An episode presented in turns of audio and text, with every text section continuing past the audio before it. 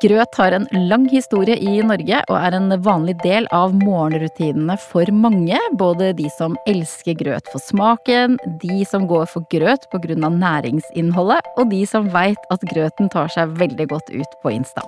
Jeg har to grøteelskere i studio, og de har mange fristende grøteoppskrifter å by på.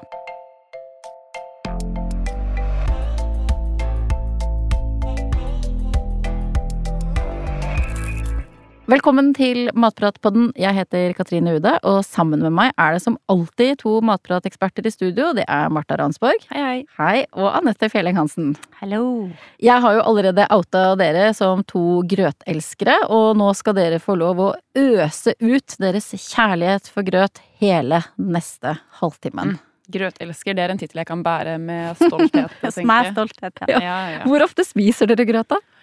Jeg spiser grøt ofte jeg spiser eh, mest sånn havre- og bygggrøt. Ikke så mye risgrøt i hverdags, men så varierer jeg mest med toppingen, da. Så har jeg vokst opp med grøt, sånn som sikkert de fleste andre barn i Norge har. Um, og så spiste jeg masse grøt da jeg var student. Skulle mhm. spare litt peng. Mm. Uh, men jeg spiser fortsatt mye grøt nå også, så det er uh, til frokost, uh, lunsj og middag her, altså. Mm. Hva med deg, Anette? Ja, altså hjemme hos oss er det sikkert grøt sånn fire-fem ganger i uka, vil jeg tro. Eh, spesielt til kveldsmat etter trening og sånn. Eh, har noen unger som trener mye, da er det påfyll av eh, grøt. Eh, men òg eh, frokostgrøt, eller sånn kjøleskapsgrøt som har stått eh, over natta og tas enten til frokost eller med i lunsjpakken, nistepakken i sekken. Og så er det jo av og til at jeg da òg Eh, både lager det til middag hvis det, vi skal kjapt ut av døra alle mann, og, og tar en enkel uh, utvei. Da slenger mikro, altså, grøten i mikroen, og, og, den er ferdig på 1, 2, 3. Jeg bytta jo for øvrig til med eh, på byttemarkedet oppe i Nittedal. Sju pakker havregryn for ikke så lenge siden. Og det er på magisk vis forsvunnet ganske kjapt. Så det, det, det går unna. Hva slags grøt er det dere har dilla på akkurat nå? Og det varierer veldig mye. Som jeg sa, den eh, treminuttersen i mikroen er jo til hverdags, egentlig.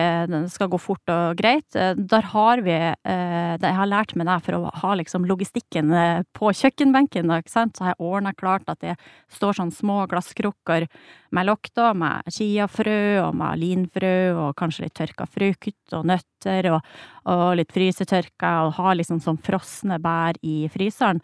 Så at uh, grøten er ganske enkel i seg sjøl, eh, inn i mikroen. Eh, og så kan de toppe med alt mulig av det de ønsker når den kommer ut. Så alle har sin egen favoritt, da, kan du si. Det er jo den buffeen hjemme hos deg. Eh, den buffeen, ja. Det høres ut som en eh, hotellbuffé. Ja, ikke sant. Men da får man jo òg eh, litt variasjon i det man, av de næringsstoffene man får i seg. Eh, og så er det faktisk veldig, både veldig fort gjort, men òg eh, at det blir litt spennende samtidig. Eh, jeg koker meg jo veldig ofte byggrynsgrøt, legger altså korn i bløt over natta, og kanskje liksom lager en litt større porsjon som jeg har. Hva er det du liker så godt med den? Ja, den har liksom litt mer sånn tekstur, på en måte. Den blir litt mer sånn fyldig, og, og du får de der kornene som liksom popper nesten litt i, i munnen, da. Eh, og den tar jo gjerne litt lengre tid å koke, men eh, jeg vet ikke, det er noe med smaken eh, som jeg syns er utrolig god. Og når jeg skal virkelig, virkelig ta meg tilbake liksom til når jeg var lita, lita jente, eh, så er det semulegrøt, for det har brukt bestandig bestemora mi å, å, lage til meg. Så da er det egentlig bare sukker og smør. Smørgrøt eller semulegrøt. Da, da er det liksom bare nostalgiske minner som kommer fram. Hva er det du har deala på om dagen, Marta? Hvilken grøt? Jeg har en skikkelig hangup på grøt med brunost for tida. Brunost? Høres kanskje rart ut, men eh, jeg bruker eh, da det er det enten bygg eller havre som base, og så er det revet brunost på toppen og friske tyttebær. Mm, Norwegian style der. Akkurat det. Jeg har en venninne som eh, Jeg lagde det til henne en gang, og hun kalte det for eh, viltgrøt. Mm. tenkte jeg ja, det er ikke så dumt. Viltgrøt. Det er sinnssykt godt. Og så er det jo ganske søtt, men du får liksom den syrligheten fra tyttebærene. Eh, så når jeg lager den, så lager jeg den ofte med stilkøtt havre, da, som gir litt mer av den teksturen og litt mer sånn tyggemotstand på grøten. Nå sa du et ord som trenger litt eh, nærmere forklaring. Eh, hva er stilkøtt havre? Det er ikke sikkert alle veit det. Nei, eh, det er jo på godt norsk knivkuttet havre. Den er, den er ikke liksom valsa slik som havregryn er, som betyr at kornet klemmes flatt, nesten sånn helt til bristepunktet. Så det som skiller da stilcut fra Eh, både store og lettkokte havregryn, er jo denne bearbeidingen som skjer. Så eh, stilcut, eller den kutta havren, er jo den minst bearbeida. Eh, og det gjør også at den trenger litt mer tilberedningstid, sånn koketid, eh, til å ta i seg nok væske til å gjøre den myk. Sikkert ikke like mye som hele kornet likevel, da, men sånn, Nei, sånn mellomting. Kanskje, ja. ja, det er nok det. Så um, du får en litt annen tekstur når grøten er ferdig. Eh, så tar det jo lengre tid. de gjør det, så det er jo kanskje ikke den det er ikke den grøten jeg lager meg liksom til frokost før jeg skal på jobb, men øh, kanskje sånn heller til kveldsmat. eller hvis jeg lager den til middag, så blir det stilkjøtt havregrøt. Og også sånn under korona, da mm. hadde vi bedre tid på hjemmekontor. Da var det egentlig stilkjøtt havregrøt hver dag. Og for de som ikke har tid til å koke grøten, og kanskje ikke særlig den stilkjøtten som tar lengre tid, så er det mm. kjøleskapsgrøt som gjelder. Mm. Der lager jo vi ofte og hele tida, og varierer òg veldig mye med den. Den er jo kjempesuper, for at det du trenger å gjøre, er å røre deg sammen og sette deg i kjøleskapet. Så tida tar deg jo, men du slipper å stå over kokeplatene og liksom følge med og røre, og passe på at ikke kjelen sviser og alt det der, som vanligvis er et problem når man eh, ofte lager grøt. Vi har en på Matprat som smaker faktisk akkurat sånn som gyrotkaka. Den gjør det. Oh. Eh, og der har vi liksom eh, Ja, vi har liksom eh, testa et par alternativ der. Eh, men hvis du er glad i kake, så er jo den her du skal lage, for da føler du at du spiser noe sunt, men du får kake. Så det er beste av to verdener, egentlig, da. Eh, og den lages bare med lettkokte havregryn eh, og litt linfrø og litt chiafrø. Og så har du i litt sånn krydder som kanel og kardemomme for å få litt ekstra smak av det. Og hvis du òg da har eh, litt revet eple og revet gulrot, eh, så får du liksom Du får farger fra gulrota, og så får du liksom den saftigheten ifra det revet eplet, og litt sånn syrlighet i tillegg, da. Så da blir den jo veldig, veldig god, og setter seg liksom over natta, da. Og så kan du toppe den med litt eh, yoghurt naturell eller litt eh, kesam eller sånn, og litt grovhakka nøtter og kanskje litt liten sånn skvis av honning på toppen. Altså, nå er jeg solgt! ja, ikke sant? nå vil jeg prøve. Og så kan du jo si at eh, ja, du kan jo late som det er kaka, i alle fall. Om det ikke er det. Grøt har jo en lang tradisjon i Norge. Eh, hvordan har grøtens rolle i norsk kosthold endra seg over tid? Ja, det er jo egentlig den eh, eldste varme retten man kjenner til. Eh, og helt tilbake i steinalderen så kunne man se at eh, Altså finne spor av at man hadde kokt liksom korn og, og, og vann, eller korn og frø og, og vann sammen. og så, og sånn i vikingtida, så var det jo ofte at jerngrytene sto på bordet, og det var grøt med havre og, og bygg og, og litt sånn. så det har jo alltids vært liksom meg på noe vis. Eh, og etter hvert, liksom, som tida gikk, og sånn, så var det kanskje og det ble litt sånn klasseskille og litt sånn ikke sant, Fintfolket var ikke eh, kanskje de som spiste mest grøt, men arbeiderklassen da, og litt sånn av lavere sosial eh, rang, og hadde liksom Det var på en måte eh, stekringskost, nesten. Det var liksom ordentlig næring for de som sto og jobba lange dager og mye slit ute i åkra og alt mulig. Og det var rimelig, ikke sant, ikke minst, da. Det var enkelt å få tak i for alle folk. Og jeg husker jo sånn spesielt, liksom, når jeg var lita, så var jo vassgraut, det var jo et begrep. Altså vass det er jo sånn, På dialekt så er det jo det er jo vann, vanngrøt, så det var ikke like lett kanskje å få tak i melk og sånn, men de laga det av eh, vann, da, som de rørte sammen. Så eh, det har jo egentlig eh, ja, vært med i mange, mange år. Men fra at uh, grøten var da uh, sikringskost og, og sparsommelig lagd med bare vann, så kan vi jo si at grøten har blitt uh, trendy. Har blitt, den har blitt kul. Ja, ja. Den har blitt jålete. Ja. Den har blitt jålete, ja. Den får så mange kule navn, vet du. Ja, ja, ja. Ikke sant. Mange kule navn. Det er jo kommet på, men det begynte jo litt sånn med at man hadde At man så at grøt ble mer Gikk ifra å være hverdagsmat for mange til å bli liksom mer festmat. Man hadde risgrøt, og, og man hadde ikke minst rømmegrøt grøt, og, og at det mange desserter og sånn som òg var basert på grøt, og sånn som semulegrøten og alt det der. Riskrem og sånn òg? Og riskrem òg, ja. Mm. Eh, så, eh, og da ble det jo gjerne knytta opp til liksom, festlige anledninger og religiøse eh, høytider og sånne ting. Og så kom jo òg etter hvert eh, tradisjonen med mandel i grøten eh, inn, og da var det jo alle venta i spenning om hvem som ble kåra til julekongen, eller julegrøtkongen og julegrøtdronninga eh, veien, da. Så det har vært med oss i mange, mange år på ulike måter, da. Eh, alt fra festmat til tilsikringskost, egentlig. Altså. Men det er ikke den derre eh, nissegrøten med mandel som, eh, som, du ser på sosiale medier, Marta. Der er det noe annet.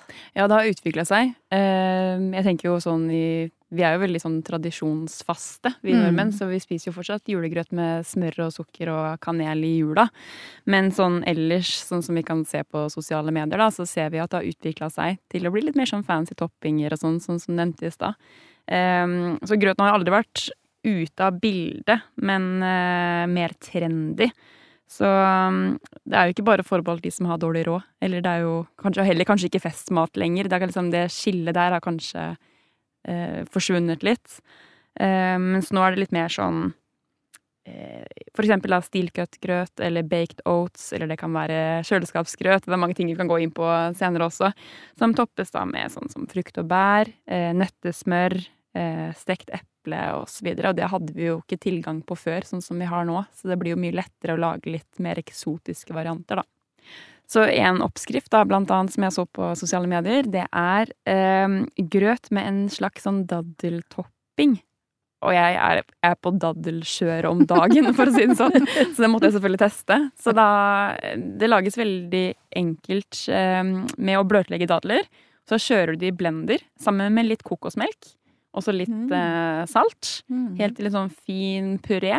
Og så kan du bruke det som topping, nesten som et nøttesmør, da, over grøten. Også med litt sånn eh, eh, rissa nøtter på toppen, og det blir sånn blanding av søtt og salt og alt som er godt. Blir en liten dessert i seg sjøl, det òg, Ja, kanskje. jeg er glad i dessert. Jeg kan spise dessert til frokost, jeg. Så. Hva slags grøt har du den til, da? Eh, Da jeg lagde den eh, sist, så brukte jeg vanlig lettkokt eh, havregryn. Syns det funker kjempefint. Eh, men det funker godt til eh, stilcut eh, havre eller bygggrynsgrøt også, selvfølgelig. Mm. På Matprat har vi jo 70 oppskrifter på grøt. Eh, Overraskende mange, tenkte jeg når jeg eh, telte over. Eh, Dere har jo nevnt noen metoder med sånn overnight oats eller kjøleskapsgrøt. Mikro var jo populært hos deg, Anette, med, med tre Mm. barn, naturlig nok. Og stilkøt var jo noe du var glad i, Marta. Mm. Er det andre metoder? Ja, vi har jo det mest spesielle, kanskje. Det er jo her tilbake i fjor, forrige fjor, da det var liksom over det ganske land, så var det liksom strømbrudd. Eh, og da var det òg sånn at hva, hva gjør man når det er strømbrudd? Eller det er dyrstrøm, ikke minst, og hva skal man gjøre da? Eh, om det er veldig effektivt, det vet jeg ikke, men det er i hvert fall en kul greie, og det er dynegrøt. Det er egentlig risgrøt lagd kjapt på ovn, kokt opp, og så pakka inn i ei dyne. Og så står den der da i tre-fire timer til de her riskornene eh, har eh, blitt akkurat som du koker den på eh, kjelen på kokeplata. Jeg syns jo konsistensen på den blir litt mer sånn kornete, litt sånn mer tygg kanskje, litt grøt, mer grøtete, kan man si det. Eh, så eh, ja, det, hvis du skal si smaksmessig, så hadde jeg gått for å koke den fortsatt på eh, vanlig kjele. Men jeg sjekka faktisk før vi dro ned her i dag, og i Altså, den mest populære grøten vi har, det er faktisk havregrøt. Eh, så er en superenkel oppskrift, men eh, sikkert en eh, flere hundre tusen som søker på det, og for å prøve å finne ut Mm. hvordan de lager det. Så det er jo liksom Mm. enkle råvarer, enkel teknikk, men fortsatt så er det litt sånn at folk Mm. eh, kanskje trenger litt hjelp på det. Jeg tenker kanskje det er litt sånn samme som med vaffel- og pannekakeoppskrift. At det er bare sånn OK, hvordan var det mengdeforholdet igjen? Og sånn med grøt, da, så er det sånn Jeg tror ikke jeg har målt opp ingredienser til grøt på veldig mange år nå. Men det blir jo litt sånn Jeg har funnet den kjelen jeg liker, ikke sant? Ja. Og har, har Ja, utstyr jeg liker hjemme. Så Ja. tar du bare liksom på øyemål, og så vet man hva man liker, om det skal være tjukt eller tynt eller sånt etter hvert. Mm. Og så har du jo baked oats, som det kalles på eh, SoMe, som egentlig bare er ovnsbakt havregrøt. SoMe er det Eh, et eget språk. SoMe er eget språk. ja. Det er engelsk, ikke sant? Det er engelsk det går i. Ja. Ja, det er engelsk det går i. Eh, du blander sammen ingrediensene litt på samme måte som du ville gjort med en kjøleskapsgrøt, men i stedet for å sette det i kjøleskapet over natta, så baker du det da i ovnen. Så da kan du bruke en eh, ildfast eh, form, for eksempel.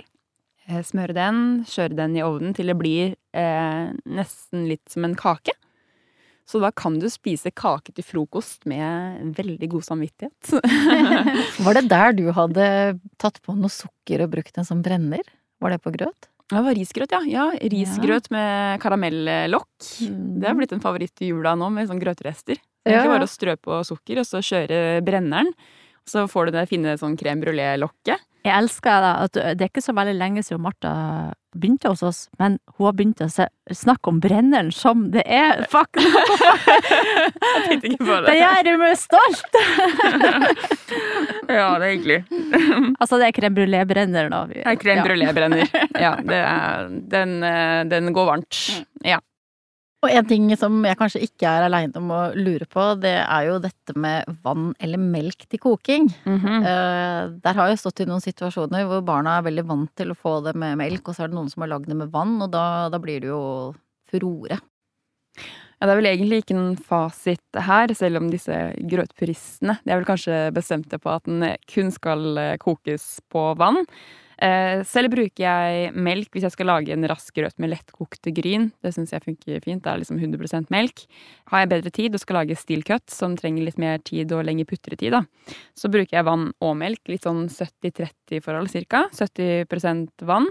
Lar det trekke inn. Putter i kanskje mellom 20 og 30 minutter før jeg har i eh, melk helt til slutt, da, bare for å få varma opp den, egentlig. Eh, ellers kan du også helle over melk på ferdig grøt om du koker den på vann, for å få smaken, da.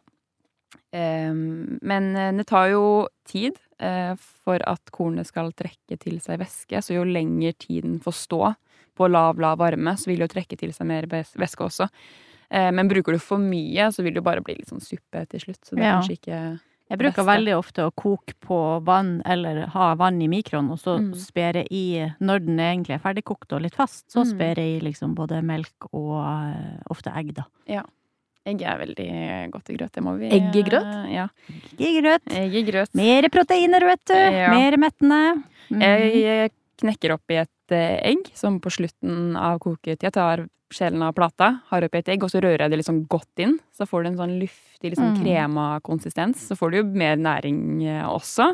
Eh, men det blir skikkelig skikkelig sånn ja. creamy. Ja, det, det smaker creamy. ikke rått egg, selv om det høres ut som eh, litt sånn eggete ut. Men eh, kjempe, kjempedigg er det. Det blir ikke sånn omelett- eller eggerøre-feeling på grøten heller? Nei. Og nå er jo kommet til sånn at liksom ungene òg spør at ja, er det, er det, er det egg inn her? Ja. For de skal ikke ha uten lenger. Så det Og for de syns det er godt på ja, smak? Ja. Det, det løfter eh, skikkelig. Ja.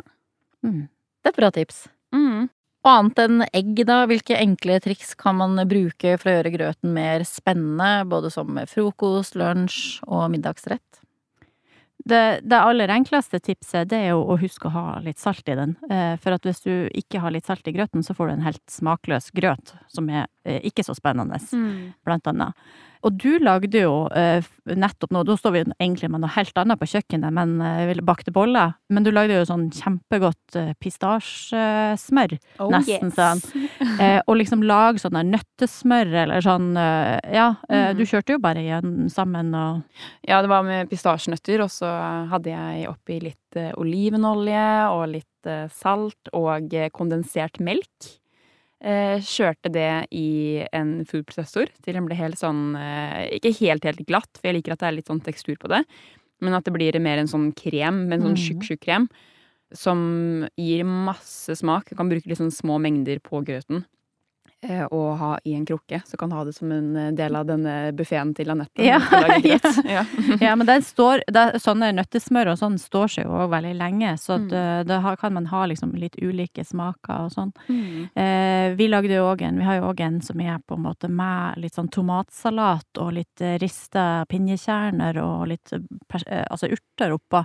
Så får du på en måte litt mer den salte varianten, og ikke liksom smør og sukker og kanel, på en måte. Mm. Eh, som kanskje, ja, eh, gir litt andre smaker og litt eh, eh, Veldig godt da òg, på en måte. Altså alt mulig av selvfølgelig kutta frukt og, og litt sånn frisk, sånn som appelsin blant annet, eller blodappelsin, nå når den her, den tida kommer, på en måte. Litt sånn appelsinsalater med kanskje litt eh, kanel i Mm. den appelsintoppinga, vil jo òg være veldig sånn friskt og godt, da. Det er en oppskrift vi har på, på grøt på Matprat, så, som er sånn hver gang jeg ser det bildet, så får jeg lyst på det. Og det er den havregrøten vi har med bjørnebær, sitronsest Ja. og yoghurt. Mm. Jeg husker jo jeg. Hadde ikke, ja, jeg hadde ikke spist det før da vi Nei. lagde det. Og da fikk jeg helt sånn derre åpenbaring på at shit, bjørnebær, det skal jeg bruke Mm. mer, ass. Varme, lune Lune og varme, faktisk. Du kan jo velge. Det er skikkelig, skikkelig godt sammen med det litt sånn sirlige og det, kanskje en søt vaniljeyoghurt, da. Eller en naturell yoghurt. Det, det er Mm. skikkelig deilig. Det er jo det som er fint òg, vet du, at eh, en sånn enkel greie, uansett om du velger havregrøt eller byggrynsgrøt, så kan det jo virke som to helt eh, ulike eh, lunsjer Mm. eller middager eller sånn. Du kan jo aldri bli lei. Mm. Det er jo så mange muligheter, liksom. Så variasjon der er jo eh, veldig bra. Og så er det en stayer her også, som er sånn, nesten som en sånn comfort food for min del, er klassisk havregrøt med smør, kanel og sukker. Det er liksom aldri feil. Den er eh, en eh, stayer i mitt liv. Har du eh, smøret under eller over grøten? Under? Nei, nei, over. Det skal smelte. Jeg, og det jeg gjør, vet Ja, du men er under eller over sukker og Å kanel? ja, sånn ja. Nei, nei, nei. Nei, jeg tar jo en skje med smør, og så smører jeg det ut på tallerkenen. Oi, det, det har jeg ikke hørt om uh, før, Du er vill og gæren, altså! Nei, jeg legger sånne små kladder rundt, så det kan smelte i hver sin lille elv Ja. rundt på grøten. Men jeg har hørt at det er veldig stor forskjell på Altså, veldig mange som Om smøret skal ligge oppå, eller var under oh, ja. krydderet, da, på en Ja. måte, eller sukkeret og kanelen. Det, Ja. er stor, det er mye debatt om. Jeg legger nok på først for at det skal smelte liksom Mm, fort. Ja. Ja, jeg tror det. Jeg, tror, jeg er ikke så veldig konsekvent der. Nei. Nei. Hva er det som gjør eh, bygg og havre da til gode, bærekraftige valg når man lager grøt? Både bygg og havre er eh, bærekraftige valg. Eh, Det er kornsorter som takler norske vekstforhold, eh, som har vært dyrket i store deler av landet. Eh, Så er det jo matkorn som vi er selvforsynte på, og som vi har mer enn nok av. Eh, Rimelig er det også, og veldig allsidig bruk. Mm. Og det som uh, Martha sier, det er jo at eh, sånn som bygda, det dyrkes jo på ca. halvparten av det kornarealet vi har. Eh, vi dyrker faktisk 600 000 tonn eh, med bygg. Dessverre eh, så spiser vi bare 3000 av de. Eh, så her er jo liksom Det potensialet her er jo kjempestort, egentlig, for å begynne å spise mye mer eh, bygg, eh, og havre. Men å spise mye mer, sånn som vi, nesten gjorde litt før, da. Mye mer grøt og mye mer ut av de her kornsortene. For vi har veldig mye mer potensial til å utnytte det, da. Og, og havre, det dyrker vi jo 240 000, eller hva det, tonn av. Og da òg eh, spiser vi bare 40 000 av. Vi Mm. spiser litt mer havre enn bygg, men, men eh, de, begge de to er jo helt eh, Hvis vi skal leve litt mer som før, så kan vi ta enda bedre bærekraftige matvalg. Mm. Hva er forskjellen i smak og tekstur da, når du tar havre og bygg sammen? Hva- Jeg tror grunnen til at vi bruker så mye havre, er fordi det er så satt i eller vanene våre. At det er liksom havregrøt som er mest holdt på å si, utbredt sånn i markedsføring og av ferdige produkter og, og sånne ting. Eh, Men det er ikke så stor forskjell i smak når man lager det som en grøt. Det som er med bygg, er at det har eh, det er litt annen struktur på kornet, som gjør at du kan få litt mer eh, tyggemotstand ved å koke grøt på bygg sammenlignet med havre. Eh, Men utenom det så er det ikke de store forskjellene i smak, så jeg vil absolutt anbefale å teste bygg hvis ikke du har vant til kanskje det. det har litt mer sånn nøtteaktig smak, og, og selvfølgelig teksturen, Mm. som du sier, men jeg tror jo òg det med liksom den convenience-greia, ikke sant. Mange spiser jo sikkert mer eh, byggrynsgrøt uh, nå når, når det er byggrynsgrøt å få tak Ja. i butikken, men det å koke, legge, legge bygg i bløyt og koke grøt sjøl, det er liksom noen terskler som må gås over for mm. at uh, man skal få det mer inn i kosten, da. Sånn at sånn sett er jeg enig med deg. Havregrøten den er jo sikkert den er jo ferdig på null komma niks, ikke sant, og så har man den bygget som må jobbes litt mer med. Mm. Men hvis man har lyst da å lage seg byggegrunnsgrøt, er det sånn at man kan gjøre noe i forkant, og så kan det stå litt? At man kan ha, lage seg opp et lite lager, eller må du liksom bruke lang tid hver eneste gang? Nei, altså, jeg bruker jo ofte å legge, legge deg, husk å legge deg i bløyt over, over, natta. Så halverer du jo koketida, eh, for det første, liksom. Eh, og så om det står på en måte 40 minutter på kjelen, så lenge du husker å røre litt. Den svir seg jo ikke helt sånn på samme måte sånn som risgrøten eh, gjør, kanskje. Den må du jo passe på hele tida, på en måte. Mm. Mens eh, det er jo litt sånn som så risgrøten òg. Det er jo Du har hurtig, hurtigrisen som kanskje ikke gir like god grøt, men så har du de den ordentlige grøtrisen som du legger den ekstra tida i, så får du på en måte gevinsten i smaken og i konsistensen og teksturen på grøten. Mm. Hvis du først skal spise grøt, liksom, så mm. En fordel også med å bløtlegge over natta er jo næringsmessig, da. Så ja. du gjør jo næringsstoffene i kornet mer tilgjengelig for opptak. Så eh, det er jo absolutt en fordel både sånn med å spare tid og for uh, utbytte av mm. kornet ernæringsmessig. Mm. Bra for kroppen, da. Bra for kroppen er det. Mm. Hva, hva, slags andre sånne ernæringsmessige fordeler er det med å spise grøt, da? Det er, eh, hvis du koker eh, grøt på bygg eller eh, havre, da, kanskje ikke så mye på risgrøten, så er jo havre og bygg rike på um, kostfibre beta-glukan, som veldig, har veldig god effekt på kolesterolet og blodsukkeret.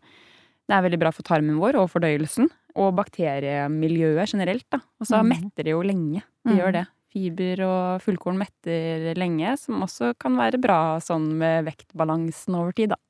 Det er jo egentlig tilbake, eh, som vi snakka om litt historisk sett, eh, så var det jo folkemedisin før å faktisk mm. gi grøt på sykehus, og, eller til de som hadde kanskje spesielt eh, ernæringsmessige utfordringer med fordøyelses, sånn at du får, får i gang tarmen og får i gang Barselgrøt var jo ja, en greie. Barselgrøt mm. var jo en greie, ja. Og så er det jo litt av det med, så er òg veldig smart å drikke appelsinjuice til. Eh, for eksempel, eller sånn sitrus, ferskpresse, eller hva du nå vil, så får du jo ekstra utnyttelse av at eh, det blir tatt opp mer jern og den C-vitaminmiksen der som gjør det, mm. får du utnytta veldig bra. Mm. Det er kanskje ikke mange som tenker på liksom, korn som en jernkilde, men det er det så absolutt. Mm. Og hvis man da lager seg opp eh, litt eh, grøt, og siden det kan ta litt tid hvis man skal bløtlegge og man kanskje lager litt mye, så har man litt rester. Yes. Har dere noen bra hacks på grøtrester? Jeg er veldig glad i lapper. Helt klassiske lapper, eller sånne små pannekaker, da. Mm. Hvor jeg blander inn grøtrester. Både grove og fine. Så mm. kan du også lage brød. Ja, faktisk. det har vi lagd. Brød av brød. Ja. Det har vi lagd. Noen sånn eltefrie rundstykker vi har. Brød av brød eller brød av grøt? Eh, altså, jo, ja, det er jo brød av brød. Nå, unnskyld, nå eh, blander jeg. Vi er så opptatt av å bruke opp alt, ikke sant? eh, da har vi òg, eh, for de som er interessert i det, så er det brød av brød. ja. Men eh, alt sånn eh, grøt rester, sånn som du sier havrelapper eller rislapper eller sånn, men òg at du kan bruke det for å få faktisk en saftigere bakst. Veldig mm. mye bakst, så setter du jo på en måte en slags fordeig som ligner mm. på en grøt, nettopp. Ja. Så eh, litt ekstra havregrøt i, i brøddeigen, det er susen, da. Og bollene, faktisk. Mm. Men det også gjør Du det er flere bakerier som gjør det. Ja. Setter en fordeig, som man sier. Mm.